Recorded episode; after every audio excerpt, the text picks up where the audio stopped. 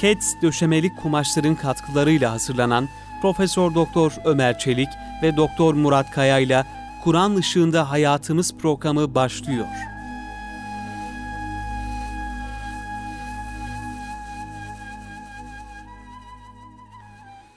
Euzu billahi mineşşeytanirracim. Bismillahirrahmanirrahim. Elhamdülillahi rabbil alamin. Ves salatu vesselamu ala rasulina Muhammedin ve ala alihi ve sahbihi ecmaîn. Pek muhterem dinleyenlerimiz, Doktor Murat Kaya Bey ile beraber bendeniz Ömer Çelik, Kur'an Işığında Hayatımız programında sizinle birlikteyiz. Hepinize bu programdan selamlarımızı, hürmetlerimizi, saygılarımızı ve sevgilerimizi arz ediyoruz. Gününüz mübarek olsun. Cenab-ı Hak işlerimize, çalışmalarımıza, yuvalarımıza bereketler, sükunetler, huzurlar ihsan eylesin inşallah. Kıymetli hocam hoş geldiniz. Hoş bulduk hocam. Muhterem dinleyenlerimiz biz bu programda Kur'an ışığında hayatımız adı altında farklı konuları kıymetli hocamla beraber ele almaya çalışıyoruz. Dilimizin döndüğü kadar mümkün mertebe Kur'an-ı Kerim ve sünnet-i seniyeye dayandırarak yani Allah'ın kitabı, Resulullah Efendimizin hadisi şerifleri ve sünnet-i seniyesini de dikkate alarak o çerçevede hayatımıza ait, hayatımıza ilişkin konuları değerlendirmeye, müzakere etmeye, e, oradan e, yolumuzu hem kendimizin hem de kıymetli dinleyenlerimizin yolunu aydınlatmaya gücümüz yettiği kadar gayret gösteriyoruz. Farklı konular ele aldık kıymetli hocamla beraber. Ee, en son uzun bir e, süre, süreç içerisinde ölüm ötesi yolculuğa devam ettik. E, onu da Cemalullah ile geçen e, programımızda taşlandırmıştık. Şimdi e, yeni bir e, program yani programa yeni bir formatla e, ve daha e, hayatın içerisinden e, konularla devam etmeyi planlıyoruz. Cenab-ı Hak lütfederse e, kıymetli hocamla istişaremiz neticesinde tabii ki kıymetli dinleyenlerimiz Kur'an-ı Kerim Allah'ın kitabı, Allah'ın kelamı, e, dinimizin temeli, e, gerçekten İslam e, Kur'an-ı Kerim'e e, dayanıyor. Kur'an-ı Kerim e, en temel e, hüküm kaynağı, delil Kur'an-ı Kerim. Bu zaten bütün İslam uleması değil mi hocam? Evet, o hocam. şekilde yani fıkıh usulüne girdiğimiz zaman orada e, edille, diller konusu işlenirken hemen orada ilk e, Kur'an-ı Kerim ele alınıyor. Bir konu gündeme geldiği zaman bununla ilgili bir ayet-i kerime var mı? Veya e, Allah'ın kelamı, Kitabullah bununla ilgili hangi hususlara yer vermiş, naslar e, var diye. Oraya bakıyor. İşin aslı esası Kur'an-ı Kerim. E, Efendimiz Aleyhisselam'ın bütün hayatı, sözleri ve e, hadisleri, hayatı, sünneti bir telakkiye göre kıymetli hocam, bir telakkiye göre e, hepsi e, Kur'an-ı Kerim'in tefsiri mahiyetindedir. Evet. Yani şahsen e, ben o telak, o yaklaşımı e, daha e, doğru buluyorum. Yani daha e, tercih edilen bir görüş olarak değerlendirmek istiyorum. Yani hani Resulullah Efendimiz Aleyhisselam'ın tefsiri tartışmalarında e, Resulullah Efendimiz e, Kur'an-ı Kerim'in ne kadarını tefsir etmiştir? Yani tefsir ettiği yerler ne kadardır? Gibi böyle tartışmalar vardır. Orada bir yaklaşıma göre yani şu ayet şu anlama geliyor tarzında ki Sözlü olarak. e, belki. sözlü olarak onu düşünürsek yani işte şu kadar ayete bir yorum getirmiş, tefsir yapmış diye söyleniyor ama işin aslına baktığımız zaman Efendimiz Aleyhisselam'ın her şeyi, bütün hayatı ayetlerin e, tefsiri mahiyetinde hepsi. Ya söz, Kur'an-ı Kerim, evet. ya sözlü tefsiri veya da fiili tefsiri olarak değil mi hocam? Evet hocam. Yani Kur'an-ı Kerim'de Cenab-ı Hak ne emrettiyse Peygamber Efendimiz onu en mükemmel şekliyle tatbik ediyor, hayata geçiriyor. Bu sebeple hatta ayet-i kerimelerde hocam Cenab-ı Hak فَلَعَلَّكَ بَاخِيُنْ nefsike buyuruyor. Yani kendini helak edeceksin neredeyse diye. Yani Cenab-ı Hakk'ın e, belki arzusunda, isteğine, iradesine daha fazla bir gayret gösteriyor. Cenab-ı Hak o kadar kendini yıpratma. Yani sana söylenen, verilen emirleri mutedil bir şekilde kendini fazla hırpalamadan yerine getir şeklinde emrediyor. Bu da gösteriyor ki Efendimiz her e, emri mutlaka en mükemmel şekliyle Yerine getirmeye yerine çalışıyor. getiriyor, hayata tatbik ediyor. Çünkü Efendimizin vazifesi yani bir taraftan gelen ayetleri tebliğ etmek, tefsir etmek, beyan etmek vazifesi olduğu gibi Estağfirullah Ya eyyühen nebiyyüttekillâhe ve la tuta'l kafirin ve münafıkîn innallâhe kâne alîmen hakîmâ vettebi' mâ yuhâ ileyke min rabbik innallâhe kâne bimâ te'amelûne habîrâ işte, Ey Peygamber Allah'tan kork ve sakın kafirlere münafıklara itaat etme. Allah e, alim hakimdir. E, benim esas e, bahsetmek istediğim ayet şu olduğu için ona daha vurgu yapmak istiyorum. وَاتَّبِعْ مَا يُوحَى اِلَيْكَ مِنْ Rabbik. Rabbinden sana gelen e, talimatlara, emirlere, vahye itaat et, tabi ol. Evet. Tabi ol. Efendimiz Aleyhisselam'ın en önemli vazifesi gelen talimatlar doğrultusunda hareket etmek, ona uymak, ona tabi olmak, ittiba etmek. O zaman hocam bu ayet-i kerimeye göre o zaman Peygamber Efendimiz ayet-i kerimelerin işte bir kısmını tefsir etmiştir, bir kısmını tefsir etmemiştir demek çok yanlış olur yani. Sadece sözlü olarak. Sözlü yani, olarak o yaşayarak hepsini Tabii ki. Yani, uymuş, hepsine uymuş, tabii. hepsini yaşamış. Yaşamış çünkü e, öyle talimat var yani. Uy diyor. Evet. Nefestekim kema umirt. Sana diyor nasıl Allah diyor emrediyorsa o şekilde diyor. O şekilde dost doğru ol diyor. Nedir? Cenab-ı Hak'tan gelen emirler nelerdir? Bunun en açığı Kur'an-ı Kerim ayetleri. Evet. Belki Kur'an-ı Kerim'in dışında da talimatları girebilir. Sünnet vahiy olarak e, değerlendirdiğimiz girebilir ama bir defa Kur'an-ı Kerim'in bütün ayetleri bunun içerisinde İçerisinde. evet. e, yer almış oluyor. Şimdi bu açıdan baktığımız zaman Efendimiz Aleyhisselam'ın e, hem fiilleri hem sözleri hem takrirleri bütün hayatı canlı bir Kur'an, canlı bir Kur'an tefsiri e, olarak değerlendiriliyor. Dolayısıyla hocam işin aslı Kur'an-ı Kerim. Sonra Peygamber Aleyhisselam zaten Kur'an-ı Kerim'e dayanmış oluyor. Dolayısıyla meseleleri ele alırken e, yani bunun ayetten delilleri, hadisten delilleri, o çerçevede hikmetleri, kıssaları, em, meseleleri neyse o çerçevede vuzuğa kavuşturmanın aslında e, dini doğru anlama, kaynaklarına dayanarak anlama ve e, o şekilde o açıdan çok önem arz ediyor. Evet. İnşallah kıymetli hocam bizim bu e, programımız ya tabii mütevazı olmakta fayda var ama gücümüz yettiği kadar inşallah bu Hı. programımız e, öyle bir e, doğru bilgilenmeye yani bir e, sıhhatli Kur'an ve sünnet e, bilgisi elde etmeye, o çerçevede hayata bakmaya inşallah yardımcı olursa kendimize bahtiyar ederiz hocam. İnşallah hocam. Şimdi kıymetli hocam bu çerçevede e, ve muhterem dinleyenlerimiz biz e, değerli Murat Kaya hocamla beraber e, Allah razı olsun hocamızın da e, yani yüzüne karşı olmasın tetebbuatları çok sağ olsun e, devamlı okuyor, yazıyor e, sürekli ilmi bir e, gayret içerisi, içerisinde Cenab-ı Hak inşallah ömür, ömürlerine hepimizin ömrüne bereketler versin. Amin. Ee, dolayısıyla şöyle Fatiha'dan başlayarak kıymetli hocam ondan sonra bir istiaze hatta istiaze besmeden başlayarak bunlar bize ne söylüyor ve e, bir ahkam olarak bunlar bize neler istiyor? Neler istiyor? Yani neyi yapmalı, neyi yapmamalı, hangi şeyi yaparsak daha doğru, hangi şeyi yaparsak eksik kalır. Bunun takvası nedir? E, fetvası nedir? Azimeti nedir? Ruhsatı nedir hocam? Bu çerçevede e, karşımıza gelen konuları inşallah Tam bir tefsir mi hocam? Başta nasıl hocam? Başta Tam bir tefsir değil mi? tabii ama işte biraz e, hüküm Hüküm ağırlıklı. He, yani e, Kur'an ışığında hayatımız dedik ya. Evet, hüküm evet. ağırlıklı yani şu da yapılmalı, şu yapılmamalı gibi. Aslında hocam programımızın ismi tam buna uygun yani. Evet. Kur'an ışığında hayatımız deyince ilk olarak temel hükümler insanların tabi olması Aklınıza, gereken aklımıza geliyor tabii hocam. hükümler gelir. Sonra ahlak kısmı gelir. E, hocam tabii bazı programların da kaderi vardır. Şimdi e, biraz sağa sola e, şey yapar böyle zikzak yapabilir ve bir noktada efendim rayına girebilir. Otururdu. Eğer bizim şimdi programımız aradan iki sene geçtikten sonra böyle rayına girmeye doğru giderse o da o da bir Başarı sayılır. Başarı sayılır. Başarı sayılır. Ama e, Rabbimizin lütfuyla hocam bu e, inşallah faydalı program olacak. Bizi çalışmaya teşvik edecektir inşallah. İnşallah. Şimdi kıymetli hocam bu çerçevede biz e, Fatiha'dan e, başlayalım. Bir besmele çekelim. E, öncelikle tabi bir e, Suriye'ye gir- girerken bu Fatiha olabilir ve ondan öncesi de bir istiaze besmele girerken hocam bir noktaya e, temas etmek istiyorum.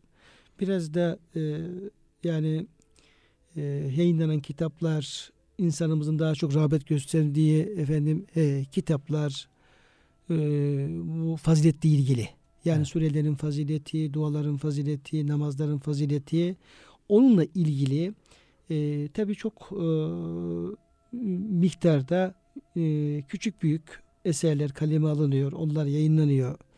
Cami köşelerinde, yollarda her tarafta bunlar e, satılıyor. Satılıyor. E, bunlar ne kadar e, itimada şayan, ne kadar bunlar e, sıhhatlidir, değildir hocam. Ve o böyle bir bahis e, açıyor. Muhterem dinleyenlerimiz, bendeniz Ömer Çelik ve Doktor Murat Kaya Bey. Kur'an Işığında Hayatımız programında sizlere beraberiz. Ve Fatiha suresini açtık. Oradan başlayarak ayetler bize ahkam olarak, hayatımızı tanzim eden hükümler olarak neler beyan ediyor? Bizden ayetler nasıl bir kulluk istiyor? Farzıyla, haramıyla, müstehap mendubuyla, vacibiyle, mekruhuyla o çerçevede ahkam ifade eden ayet-i kerimelerde başta olmak üzere e, o çerçevede programımızı e, devam ettirmeyi e, planladığımızı belirtmiştik efendim. E, kıymetli hocam e, Fatiha suresine başlarken tabii ki bu süreler hakkında ayetler hakkında ve bir kısım ibadetler e, hakkında e, bunların fazileti ilgili olarak kaynaklarımızda bilgiler yer alıyor. Evet hocam. Biz buna fezail diyoruz. İşte Kur'an'la ilgili olanlarına fezailül Kur'an diyoruz. Yani Kur'an-ı Kerim'in faziletleri. Veya e, diğer amellerin faziletleri ilgili olanlara fezailül amal diyoruz. Amellerin faziletleri, onunla ilgili bölümler var. Hadis kaynaklarımızda e, ve kitaplar var. Şimdi kıymetli hocam e, uyarıyorlar da bir kısım alimler. Mesela e, İmam Kurtubi bunlardan bir tanesi. Diyor ki bu faziletler konusunda insanımız dikkatli olmalı. Halkımız dikkatli olmalı. Niye? Çünkü bu konuda e, sakımı ile sahihi yani doğrusu yanlışı karışmış durumda. Karışıyor. Daha dikkatli olmak lazım diye hocam uyaranlar var. Evet. Bu çerçevede hocam bir konudan biraz bahsetsek diye Evet. e, düşünüyorum. Özellikle faziletle ilgili rivayetlerde zayıflar çok oluyor. Bilhassa da Kur'an'daki surelerin faziletiyle ilgili rivayetlere daha çok zayıf ve uydurma rivayetler çok olduğu bildiriliyor. Muhakkik alimler diyoruz hocam, tahkik eden, derinlemesine çalışan alimler bunları ayırmışlar zaten yani. Ancak e, insanlar bilmediği için hala o zayıf ve mevzuları tekrar edip duruyor. Halbuki bildirilmiş yani bunların zayıf olduğu, uydurma olduğu. Geçen hocam bir e, ismini vermeyeyim şimdi. Tercüme ettiğimiz bir tefsirin işte Enam suresini bitirdikten sonra orada bir rivayet işte Evet. kim diyor e, Enam suresini diyor okursa diyor e, allah Teala diyor onun diyor her bir ayetine 70 bin melek yani 165 ayet hocam e, Enam suresi Evet. e, 70 bine çarparsak hakikaten yani matematiğin sınırlarını zorlayabilir. Bayağı e, kabarık bir rakam. Ve diyor e, o kadar diyor melek gönderir. Kul diyor onu okuduğu sürece de diyor o melekler diyor böyle inmeye devam eder. Ona istiğfar ederler, şefaat eder. Tabii çok kaynaklara falan baktım hocam. Tabii bulama, bulamadım yani bu Evet. şey rivayeti. Bu tür rivayetler hocam daha çok surenin konusuna ve sureyle ilgili öne çıkan bazı rivayetlere göre tanzim ediyor uyduran insanlar. Ee, Allah ıslah onları tespit edilmiş tabii ki bunlar. Mesela orada da herhalde surenin nüzulünde 70 bin melekle beraber nazil olduğu için sonra o e, bu sure bütün olarak herhalde ona uygun olarak onu okuyana da 70 bin melek şeklinde uydurmuş olabilirler. Bu uyduranları da alimler üç gruba ayırıyorlar hocam. Hadis uyduranlar. Niçin uydurulmuş? Tarihte bu hadis uyduranlar. Yani demek ki hocam şöyle öncelikle bu konuda e, uydurma rivayetler yoğunlukta. yoğunlukta. Evet. Bilhassa hocam piyasada çok satılan bu Yasin cüzleri, Yasin'in fazileti sureler diye halk için satılan işte türbe girişlerinde, sokaklarda ondan sonra bazı avam için hazırlanan kitaplar var hocam. Peki hocam bunlar Doğa kitapları yani bunlar şeklinde. yani zararlı mı? Ya bunlar hakikaten e, hocam zararlı olarak bakmak lazım. Çünkü doğrusunu da baksak zaten doğrusunda çok güzel teşvikler var. Doğrusunda çok güzel vaatler var. Surenin faziletiyle ilgili sahih rivayetler bizim için yeter de artar. Biraz sonra Fatiha ile ilgili naklederiz inşallah hocam. Orada sahih rivayetleri. Onlar yeterli. Onlar şeyden bizi müstahane kılıyor. Bu uydurulmuş zayıf ve mevzu uydurma rivayetlerde müstahane kılıyor. Onlara ihtiyaç bırakmıyor. Yani elimizdeki mevcut sahih Evet, rivayetler, Sahih rivayetleri alsak. kaynaklarda yer alan e, muhaddislerin sahih olduğunu söylediği, Evet. sonra efendim bu şekilde e, elimizde mevcut bulunan bu rivayetler Evet. bize yeter artar Yeter de bile. artar bile. Yani bunlar varken uydurma rivayetlere gerek Bu biraz da Yok. cazip görünüyor halk içinde. Cahil halk bilmeyen işte sahih, sahih sakimini bilmeyen zayıfını, mevzusunu insanlar bunu satın alsınlar. Biz de para kazanalım niyetiyle piyasada bol miktarda bunları çoğaltıp böyle e, doğru yanlış, eksik, e, yamuk işte doğru dürüst tahsiye edilmemiş o kitaplar öyle basıyorlar ki hocam insanlar için satıyorlar işte doğa kitapları falan şifalı bitkiler şunlar bunlar diye. Yani böyle ne dizgisi tahsiye edilmiş düzgün ne üslubu tahsiye edilmiş ne kaynak gösteriyor gibi yapıyorlar. Kaynak verirken bir usul biliniyor. Hiçbir şey bilinmiyor tabii ki. Sırf sadece insanlar çok bundan rağbet görüyor. al- alıyorlar. Çok satılıyor, çok para getiriyor şeklinde bir niyetle bunları bol bol dağıtıyor. E, ma- masum insanlar da bilmiyor. Çok alıp insanlara da hediye ediyor. Ediyorlar, hediye tabii. ediyorlar. Bu şekilde bunlar yani, tabii onu alıp hediye edenler de doğru bir iş yaptığına inandıkları İnandığı için. için o bilmiyor tabii ki onun Tabii. ne durumda olduğunu. O sebeple de bu konu önemli bir konu aslında. Ee, üç grup bir grup zındıklar diyor, dinsizler, din düşmanları, bunlar İslam düşmanları. Bunlar Müslümanların zihne şüphe sokmak, Müslümanların bilgisini karıştırmak, bulandırmak, doğru bilgiden onları uzaklaştırmak, onların içerisine bid'atlar sokmak için böyle hadisler uydurmuşlar. Yani Yahudiler e, Yahudiler, Hristiyanlar, Başka- ateistler, dinsizler, din düşmanları. Bunlar e, bir grup bu şekilde meydana çıkmış. Tabii ki alimler bunların hepsini ayırmış. Yani bunlar sahih rivayetler içerisinde bunlar kalmamışlar. Ayırmış kitaplarında, mustakil kitaplar da tasdif etmişler. İşte bunlar uydurma hadislerdir Ali Yülkari'nin gibi. El E, gibi. pek çok o- onun gibi. Ama biz e, bilemediği için insanlar hala hangisi zayıf kitaplarda geçiyor, hangisi sahih kitaplarda hala o eski kulaktan dolma nakletmeye devam ediyor bu yanlış rivayetleri. Hocam şimdi bu yanlışlar tabii öyle boyutta devam ediyor ki. Yani e, inşallah doğru değildir e, bu anlatılan hikaye, öykü. Şimdi çıkıyor bir hatip kürsüden insanlara İstanbul'da bir camide insanlara e, vaaz ederken bir hadis naklediyor.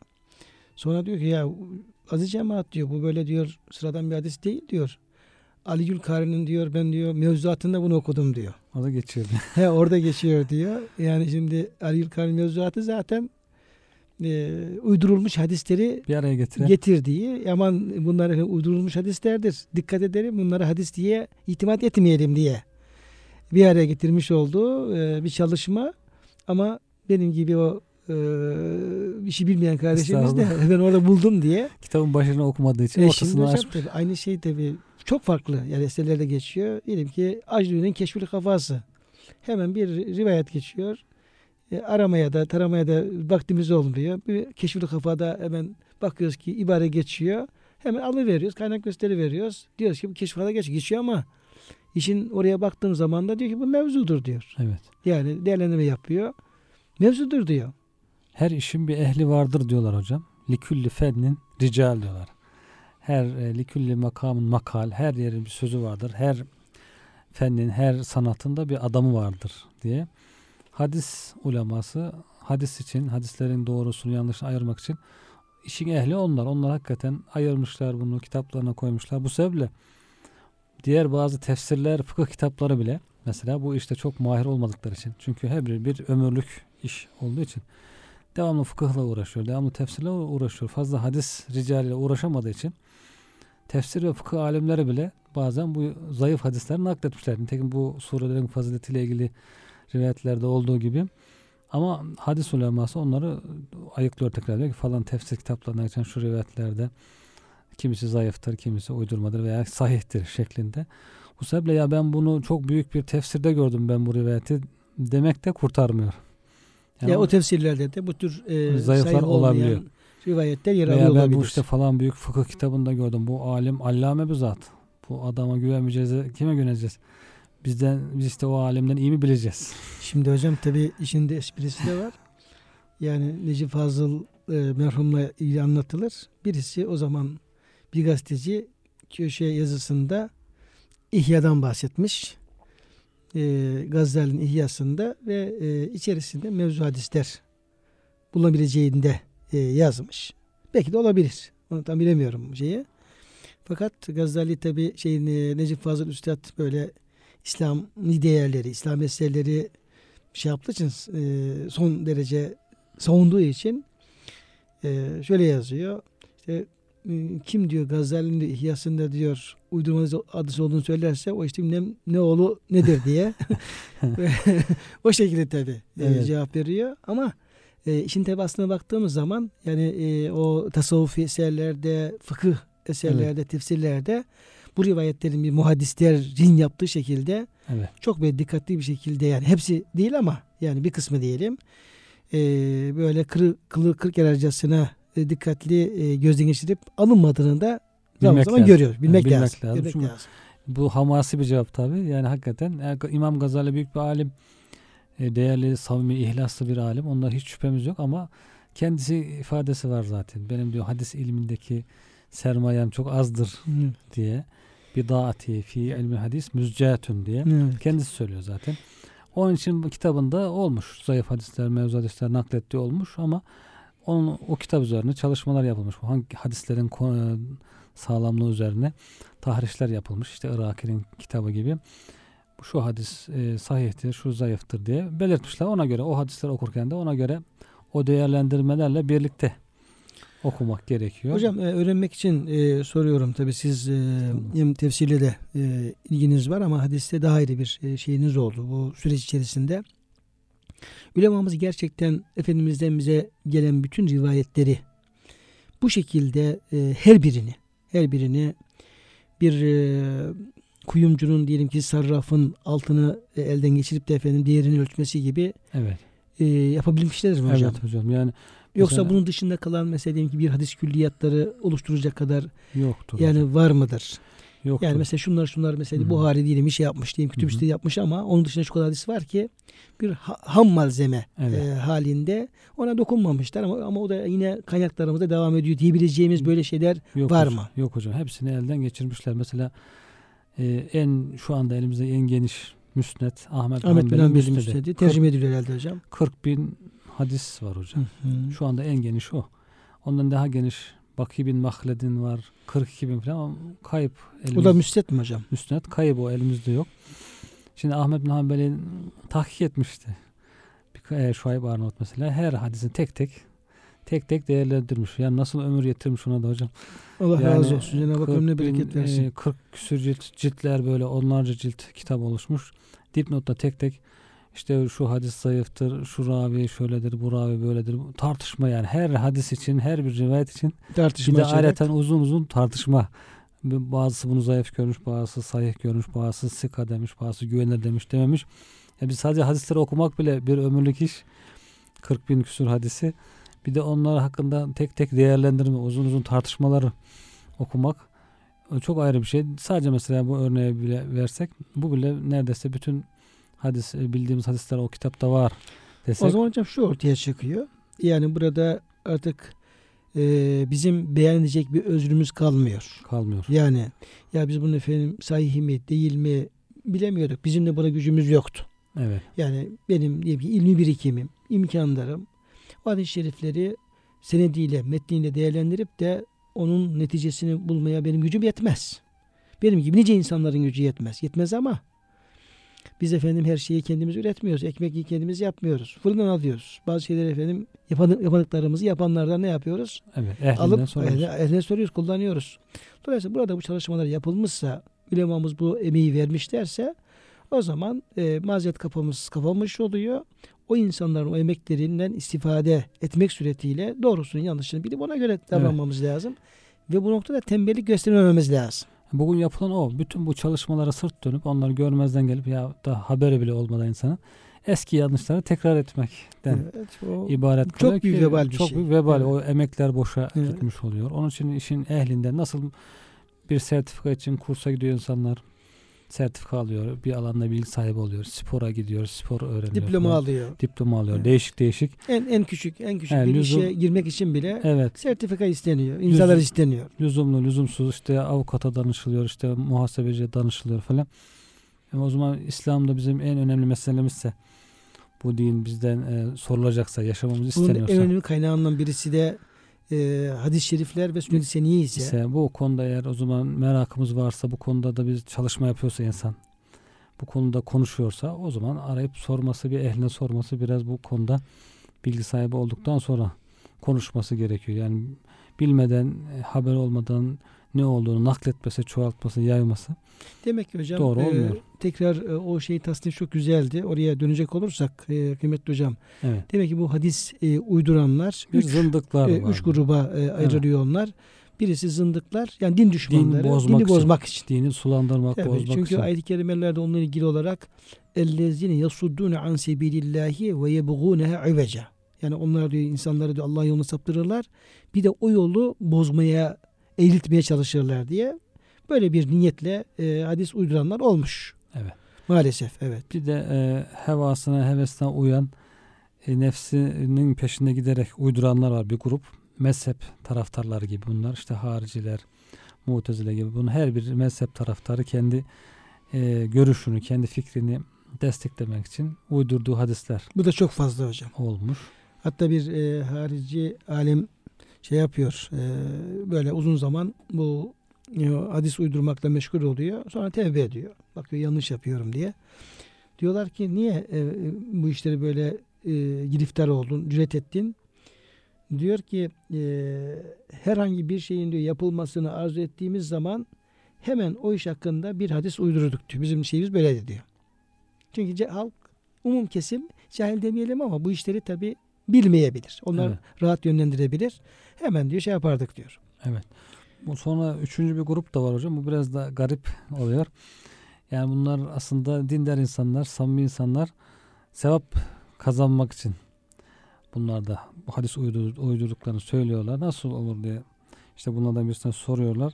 Surelerle ilgili rivayetleri uyduran zat. Baktım diyor insanlar diyor hep diyor Ebu Hanife'nin fıkhıyla ondan sonra İbn İshak'ın siretiyle, siyeriyle meşgul oluyor. Yani fıkıh kitabıyla, siyer kitabıyla meşgul oluyor. Kur'an-ı Kerim'le daha az meşgul oluyorlar. Ben de diyor insanları Kur'an-ı Kerim'e çekmek için Kur'an'a daha çok rağbet etsinler de diyor. Her surenin faziletle ilgili bir hadis uydurdum diyor. Bunun sevabını umuyorum Allah'tan. Sevap gelir bana inşallah.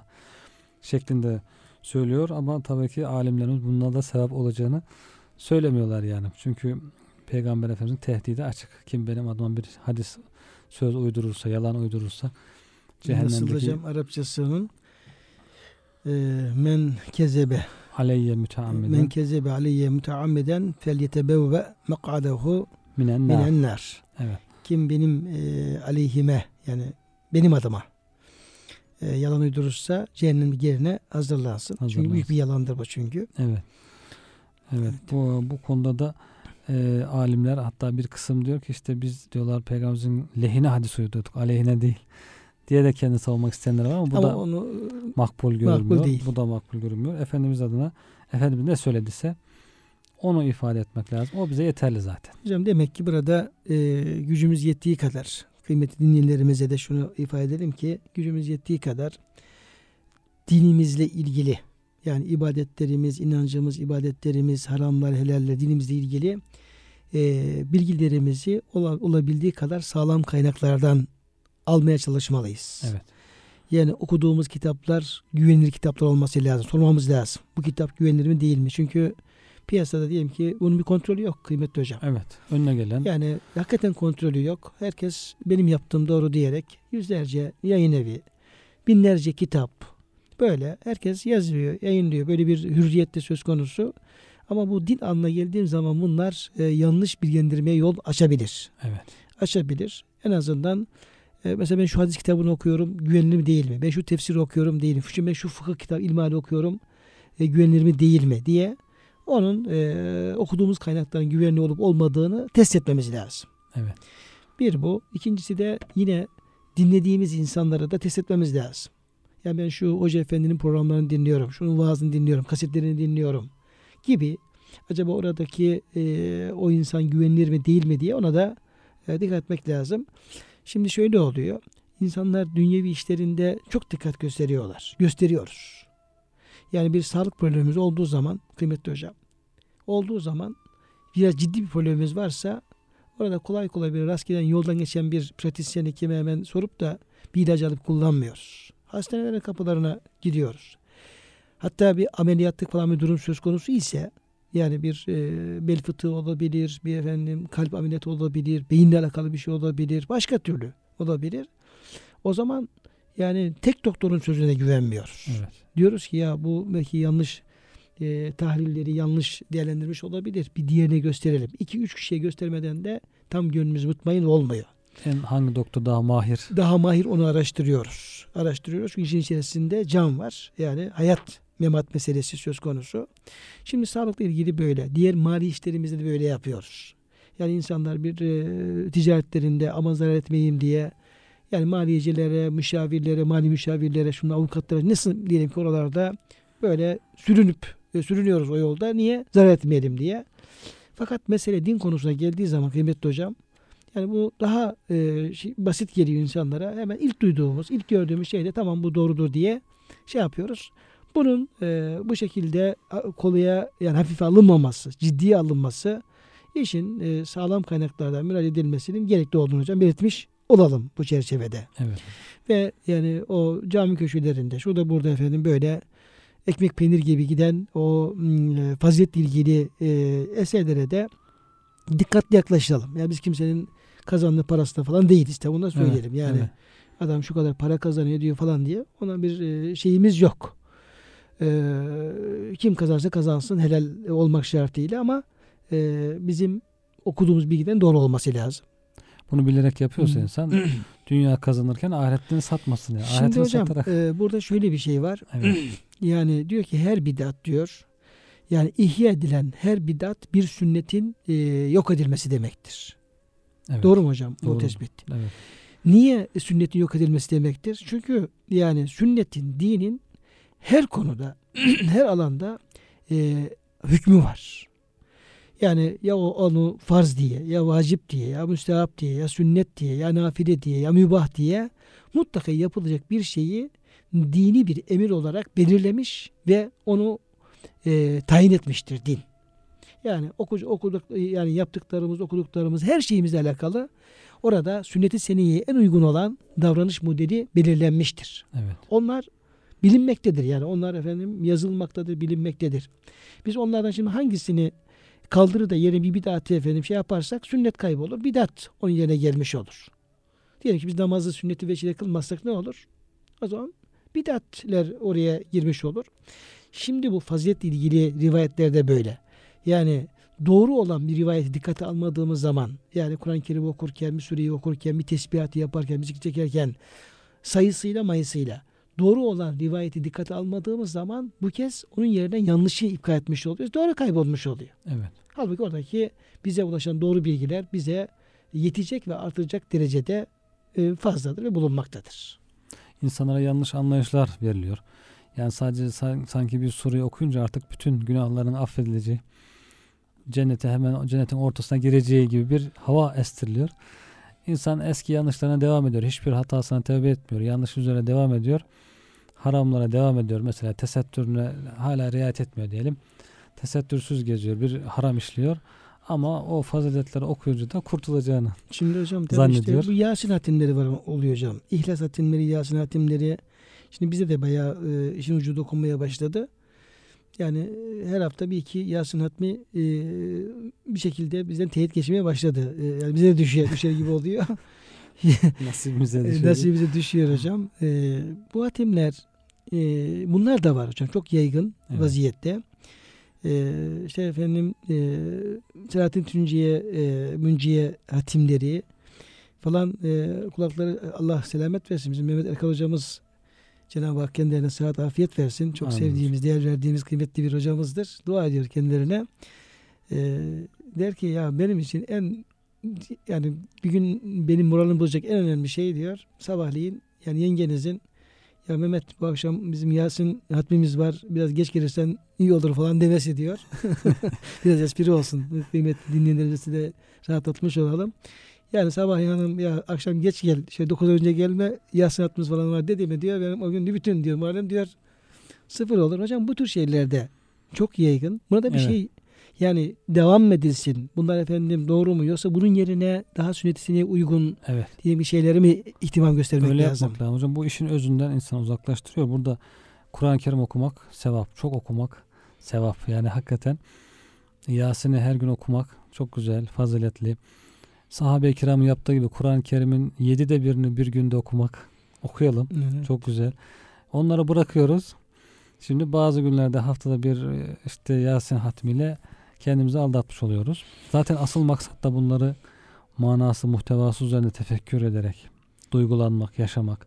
Mesela Yasin-i Şerif'in şöyle baştan sona bir tefsiri okunsa sonra Yasin okurken hep onları düşünerek okunsa Yasin'de neler var? İşte itikatla ilgili, ahiretle ilgili, ahiret hazırlıkla ilgili, Allah yolunda fedakarlıkla ilgili, işte Habib-i Neccar'ın canını feda etmesi, Allah için, Allah'ın peygamberlerine yardımcı olmak için, oradaki e, infaklar, Allah yolunda infak etmek, ondan sonra kıyameti hatırlamak, e, işte Cenab-ı Hakk'ın bütün azalarımızın şahitlik yapacağını bize bildirmesi, Yani düşün ki hocam bir insan Yasin'i yüz defa okuyacak. Orada hiçbir şey anlamayacak. e, orada işte el yevme efvahihim. O gün biz insanların efendim ağızlarını mühürleriz ve bize elleri e, konuşur, ayakları yaptıklarını şahitlik yapar. Diyelim ki bunu hiç diyelim hissetmeden, duymadan veya ve mutazil yevme eyyühel mücrimun. Ey günahkarlar, inkarcı günahkarlar müminen ayrılın diye böyle safların netleşmiş olduğu diyelim hiç böyle duymadan etmeden böyle e, onu okumak yani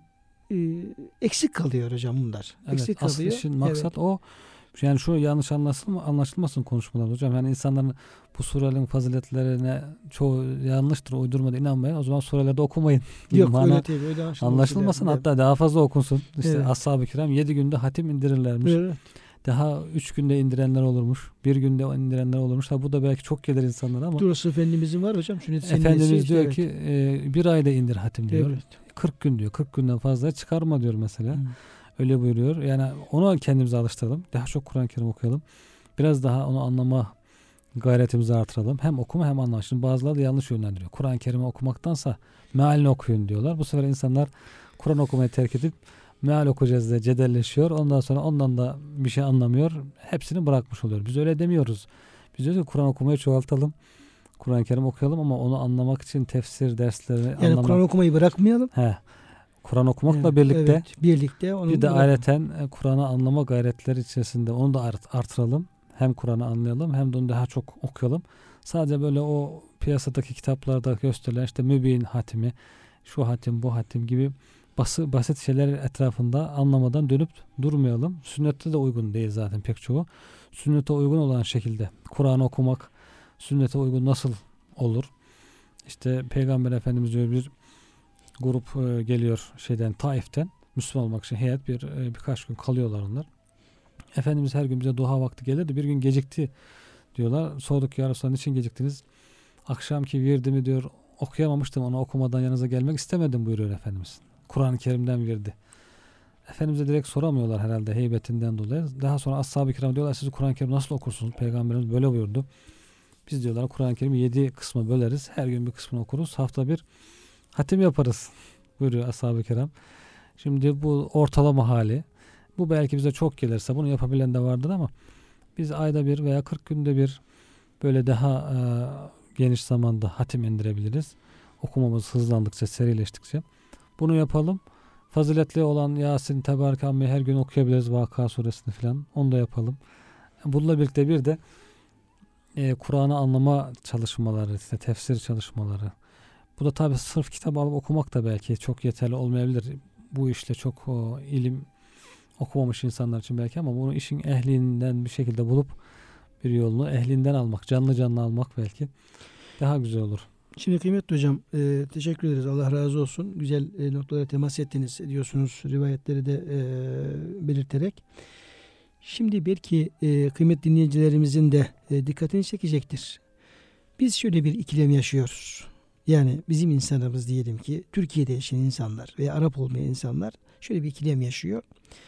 E, onun düzeltilmesi gerekiyor. Şimdi Efendimiz Aleyhisselam tabii ki Kur'an-ı Kerim okunmasını hep tavsiye ediyor. İkra'ul Kur'an'a diyor.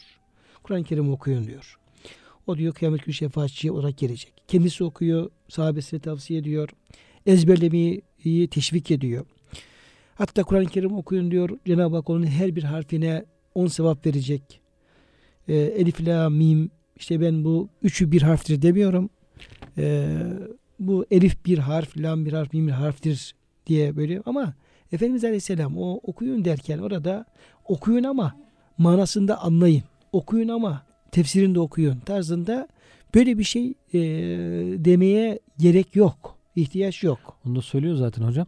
Hadis-i Allah'ın kim diyor işte Allah'ın evlerinden bir evde toplanır. Tedaresel Kur'an Evet. buyuruyor. Yani Kur'an tedarüs etmek, ders olarak okumak Evet. yani manalar üzerinde düşünmek, tefekkür etmek, e, ayetleri anlamaya çalışmak, onlar üzerinde durmak, Efendimizin o konudaki izahlarını, sahabi zaten onu diyor. Efendimiz diyor bir araya toplandığımızda 60-70 kişi olurduk. Efendimiz önce diyor işte Kur'an-ı Kerim okurdu, konuşurdu. Efendimiz yanımızdan ayrıldıktan sonra hemen diyor biz toplanır orada konuşulanlar iyice diyor yerleşsin diye kalbimize, gönlümüze müzakere ederdik diyor ashab-ı kiram.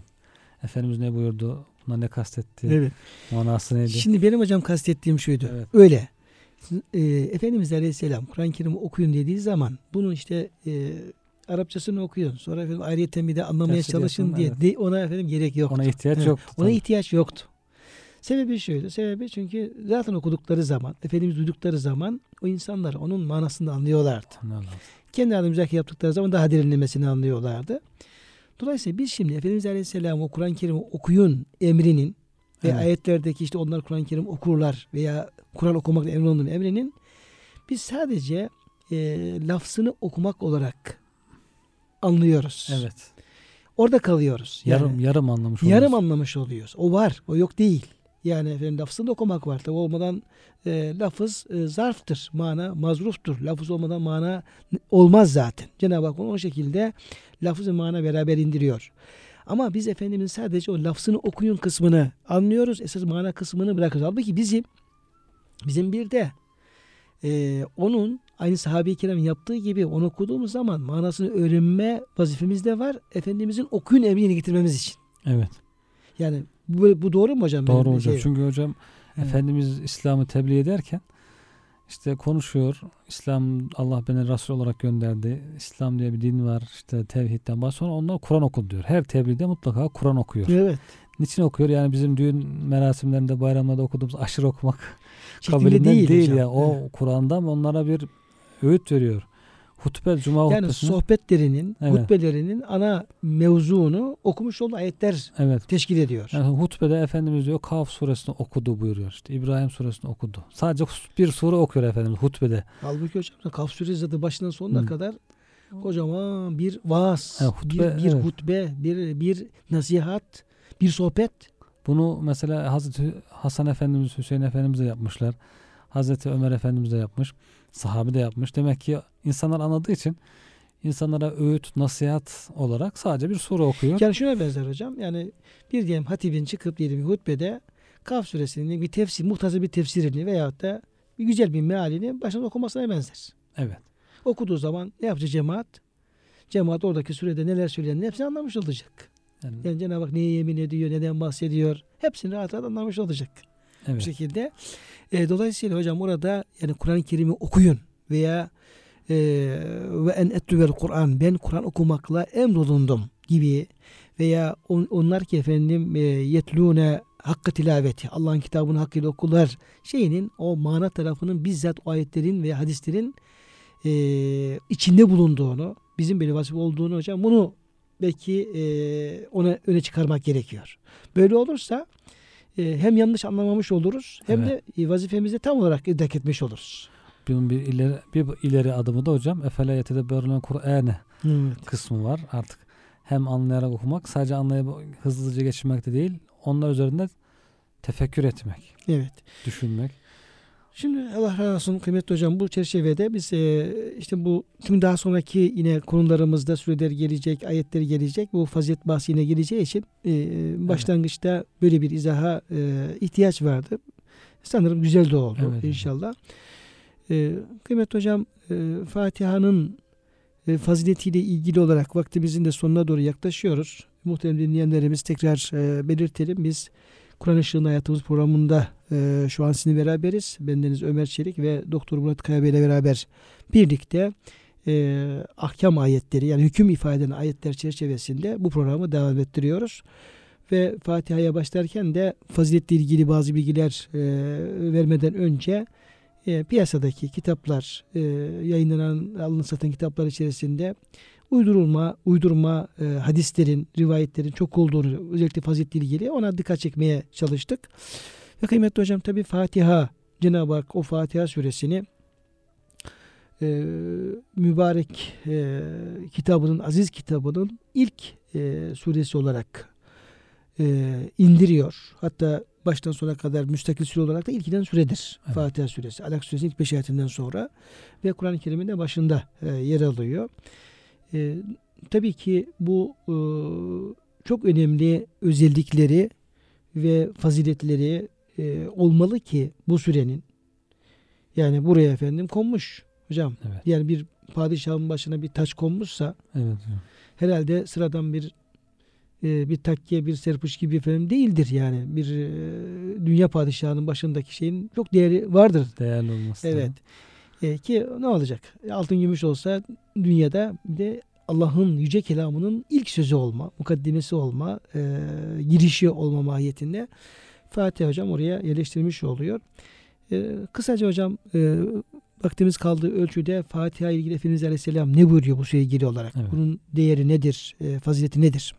Fatiha hocam hakikaten hamd ile başlıyor. Cenab-ı Hakk'ın en çok sevdiği şey. Zikirle devam ediyor. Rahman Rahim sıfatlarıyla. Sonra dualarla devam ediyor. Yani insan için en çok lazım olan hamd, zikir, dua onları cem etmiş durumda. Hem bu yönü var zikir, dua yönü. Hem Kur'an'ın işte bir sonraki e, Bakara suresi hatta Kur'an-ı Kerim'in mevzularını, konularını ihtisar etmesi, özetlemesi. Hatta hocam tabi e, hemen ayetin ifade ettiği hükme de e, bir tarafından girecek olursak Evet hocam. girecek olursak şimdi elhamdülillahi rabbil alemin e, diye buyurulduğu zaman şimdi müfessirlerimizin bir kısmı diyorlar ki e, bu cümle bir e, bilgiyi bir şeyi bize haber vermektedir. Neyi haber veriyor? Yüce Rabbimizin yani bütün hamdlerin alemin Rabbi Allah'a ait olduğunu haber veriyor. Evet. Yani biliniz ki ey insanlar biliniz ki Allah böyle bir Allah'ın böyle bir kanunu var. Allah'ın Cenab-ı Hakk'ın böyle bir hükmü var, beyanı var.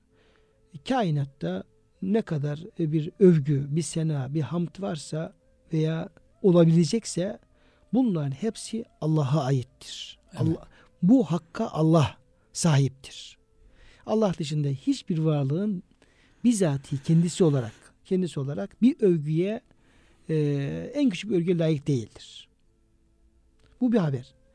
Fakat e, her ne kadar böyle olsa da e, bu cümle ey insanlar, ey Müslümanlar kulu elhamdülillah. Evet. Yani elhamdülillah deyiniz. Mana budur diyorlar hocam. Evet. Veya bu şekilde de efendim bunu yorumlayanlar da var.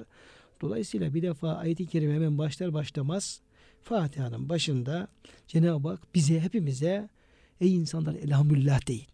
Yani elhamdülillah demek Fatiha'nın bize vermiş olduğu en büyük emir. Emirdir. Yani emirdir. Bir söze başlarken. Talimattır. Evet. Talimattır. Buyruktur. Cenab-ı Hakk'ın ilk buyruğu bize ilk buyruğu Kur'an-ı Kerim'i açar açmaz işte Besmele diyelim ki efendim Bismillah ile ilgili ona geleceğiz inşallah nasipse. O bize talimatlar verdiği gibi şöyle yapın, şöyle yapın, sözlü olsun, fiili olsun pek çok talimat verdiği gibi çünkü hemen açar açmaz ilk karşımıza gelen ayet-i kerime odur. Elhamdülillah Rabbil Alemin de ey insanlar, ey Müslümanlar elhamdülillah deyiniz. Dolayısıyla Efendimiz Aleyhisselam'ın diyelim ki hamdle alakalı o fazileti ilgili rivayetlere baktığımız zaman onlar tabi ne kadar önemli rivayetler ama ayet-i kerime zaten bize bunu emre- emrediyor. Dolayısıyla bir Müslüman e, yerinde Cenab-ı Hakk'ın nimetini gördüğü zaman, Cenab-ı Hakk'ın güzelliğini hatırladığı zaman, nimetlerini, büyüklüğünü hatırladığı zaman yani içinden gele gele elhamdülillah Allah'a hamdolsun dediği zaman bu ayeti kerimenin aslında emrini yerine getirmiş oluyor. Getirmiş. Evet. Yani insanın, Müslümanın meşguliyetlerinin başında demek ki hocam hamd geliyor. Hamd geliyor. En çok meşgul olduğu Tabii. Elhamdülillah diyeceğiz. elhamdülillah, diyeceğim. Bu sebeple hani hammadun Hammadun. ümmeti Muhammed'in Evet. sıfatı önceki kitaplarda müjdelenirken Elhamdülillah diyeceğiz. Evet. çok hamd eden bir ümmet Evet. diye. Onlar da hakikaten bu hamd suresini günde 40'tan fazla en az 40 defa ama daha fazla o namazdan önce sonra okuduklarıyla belki 80-100 defa okuyor her mümin. Böylece belki işaret de var. Bir söze başlarken hamdle başlayın. Kitap yazmaya başlarken hamdle başlayın. başlayın. Bir işe başlarken hamdle başlayın şeklinde. Bir nimet gördüğünüz zaman, bir karşılaştığınız zaman her evet. şeyde elhamdülillah her şeyde deyiniz. Elhamdülillah hamd, deyiniz. Hamdin çok önemli olduğu. Peygamber Cenab-ı Hakk'ın en çok sevdiği şeylerden birisinin hamd olduğunu hadis-i şerif bizlere bildiriyor. Demek ki bu hamdi dilimize bir yerleştirmemiz gerekiyor. Hocam şimdi hamd demek aslında övmek demek. Evet. Övmek. Bir varlığı bir güzellikle övmek. Onun güzel olduğunu, yüce olduğunu, kadir olduğunu, ondan sonra çok muhteşem olduğunu falan böyle övmek. İnsan kimi över hocam? Kimi över insan? Diyelim ki yani Cenab-ı Hakk'ın Cenab-ı Hak ilgili değil de kendi aramızdaki insanlar kendi arasındaki ilişkilere bakarak söyleyelim. İnsan kimi över? Kimi övme ihtiyacını hisseder? Yani diyelim ki bir insan muhtaçtır. Bir zengin ona yardım eder.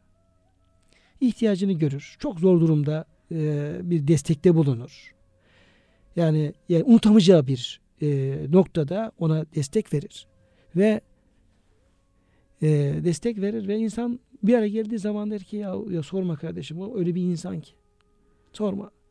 Yani o kadar cömert, o kadar iyiliksever, o kadar merhametli, o kadar şefkatli. Ya ne oldu falan? Ya sorma. Tam böyle ölüyordum, tam bitmiştim. Bana dedim şöyle yardım etti. Evet. Veya diyelim ki bir insan bir şey bilmez, bir alime sorar. Ona öğretir. Dayanamaz der ki ya öyle bir alim ki sorma. Ne sorsam cevabını verdi. Yani benim yardımcı oldu falan tarzında. Dolayısıyla bir insan yani böyle övme ihtiyacı hissettiği insanı varlığı evet. över. Yani Cenab-ı Hak niçin çok övülmek istiyor? Belki insan olarak baktığımızda bize garip geliyor olabilir ama herhalde hocam aklıma gelen Cenab-ı Hak kemal sıfatlarını bize öğretmek için. Yani o da bütün her alanda kemal sahibi, her alanda zirve, her güzel sıfatta bütün güzellikler ona ait ki onu biz anlayabilelim diye herhalde. Şimdi hocam tabi bunlar bize çok şey söyleyecek. Evet. Yani e, elhamdülillah söyleyecek, besmele söyleyecek. Hem biz kendimiz öğrenmiş olacağız hem İnşallah. de bildiklerimizi kıymetli dinleyenlerle paylaşmaya devam edeceğiz.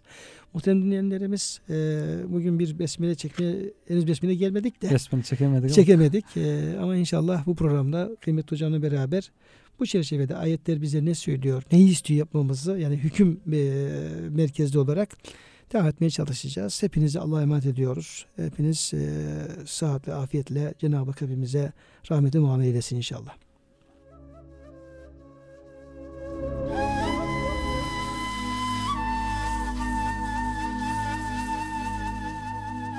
Kur'an ışığında hayatımız programına katkılarından dolayı KEDS döşemeli kumaşlara teşekkür ederiz.